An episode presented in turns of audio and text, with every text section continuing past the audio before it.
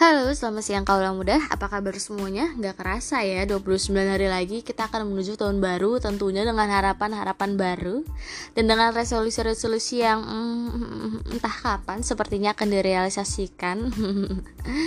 Tapi nggak apa-apa. Yang penting kan kita udah niatnya baik gitu ya. Bikin resolusi dulu nggak sih? Siapa tahu dari beberapa resolusi yang kita bikin akan ada yang terwujud salah satunya kan lumayan gitu. Nah, berkaitan sama resolusi resolusi yang ada untuk 2022 zaman sekarang ini kan gak di TikTok di Instagram pemikiran anak-anak generasi milenial dan generasi Gen Z ini semakin maju dan idealis ya.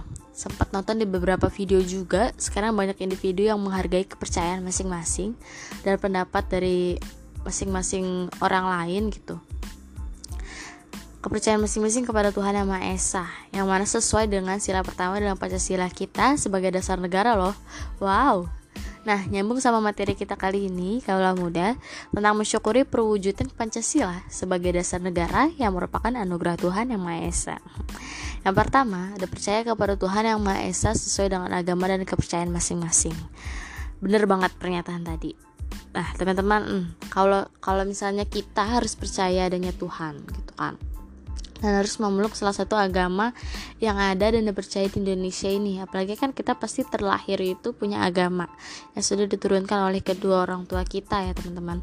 Yang mana itu bisa jadi pegangan kita. Nah tapi kan sekarang banyak juga contoh kasus yang uh, beberapa orang ini berpindah agama seperti itu yang mana agama tersebut adalah yang paling mereka yakini dan uh, paling menurut mereka nih pas banget nih sama gue gitu.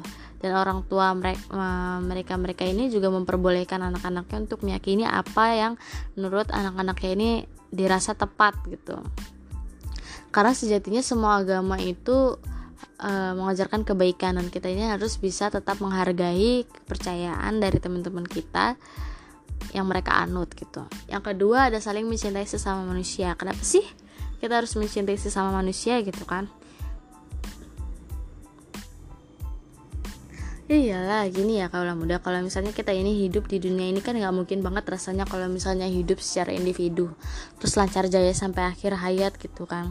Uh, lahir sendiri meninggal sendiri ke kuburan sendiri gitu kan nggak mungkin gitu ya. Karena pasti kita membutuhkan bantuan dari orang lain gak sih? Kalau misalnya hidup saling membenci mengejek memfitnah dan lain-lain itu kan rasanya juga pasti nggak enak. Gak damai hati nggak tenang nggak punya teman atau tetangga jadi kita harus saling mencintai sesama manusia dan uh, menghargai mereka gitu. Yang ketiga ada cinta akan tanah air dan rela berkorban demi bangsa dan negara. Berat nih. Tapi sebenarnya nggak berat untuk kita lakuin gitu kan. Sebagai neg warga negara yang baik celah sudah seharusnya kita mencintai tanah air kita sendiri yaitu Indonesia. Walaupun ya dengan kekurangan dan kelebihan yang ada negara kita juga kan gak kalah keren sebenarnya dan patut untuk di patut untuk dibanggakan gitu. Kita boleh dan sah saja sih sebenarnya kalau misalnya menyukai artis atau tempat wisata dari negara lain gitu kan. Tapi kita juga nggak boleh lupa bahwa tetap Garuda di dadaku dan harus rela berkorban demi bangsa dan negara. Kalau misalnya ada yang klaim makanan kita atau hasil produk kita ya kita harus tetap perjuangkan agar apa yang menjadi milik kita akan tetap menjadi milik kita gitu selamanya. Cita tanah air itu bisa kaulah muda lakukan dari yang muda hingga yang tua dengan cara apa sih sebenarnya gitu? Gampang banget loh. Dengan kita memakai produk asli buatan Indonesia menghargai para seniman dengan tidak membeli kaset bajakan gitu. Masa beli album K-popers beratus-ratus berjuta-juta tapi dengerin lagu uh, orang Indonesia musisi orang Indonesia gitu? Masih bajakan kan? Malu ya guys gitu Nah, yang keempat ada mengutamakan kepentingan negara dan masyarakat. Sering banget kan ya terjadi di sekitar kita dari circle terdekat deh di masyarakat. Banyak hal yang kadang kita lupa untuk mementingkan kepentingan bersama di lingkungan rumah dan lebih mendahulukan kepentingan pribadi. Padahal kan seharusnya walaupun sebenarnya kepentingan kita juga penting tapi lebih baik um, musyawarah dan mufakat gitu atas kepentingan bersama. Yang terakhir ada bersikap adil terhadap sesama. Ini nih hal yang menurut saya pribadi sih masih uh, sangat susah banget diterapkan di masyarakat sekitar. Bersikap adil tuh sebenarnya sepele dan gampang tapi susah juga untuk diterapkan gitu. Tapi kalau mudah kita harus adil ke sesama dari lingkungan terdekat dulu aja gitu. Adil yang gimana sih? Btw gitu kan. Yang pasti nggak memihak salah satu pihak sih. Sering kan ya kita bela temen kita nih sahabat sejati gitu. Kita harus bela mati-matian. Padahal nggak juga gitu. Padahal belum tentu juga teman terdekat kita tuh yang pasti benar gitu. Dan orang lain pasti salah. Uh, bisa jadi teman kita yang salah dan orang lain yang benar gitu.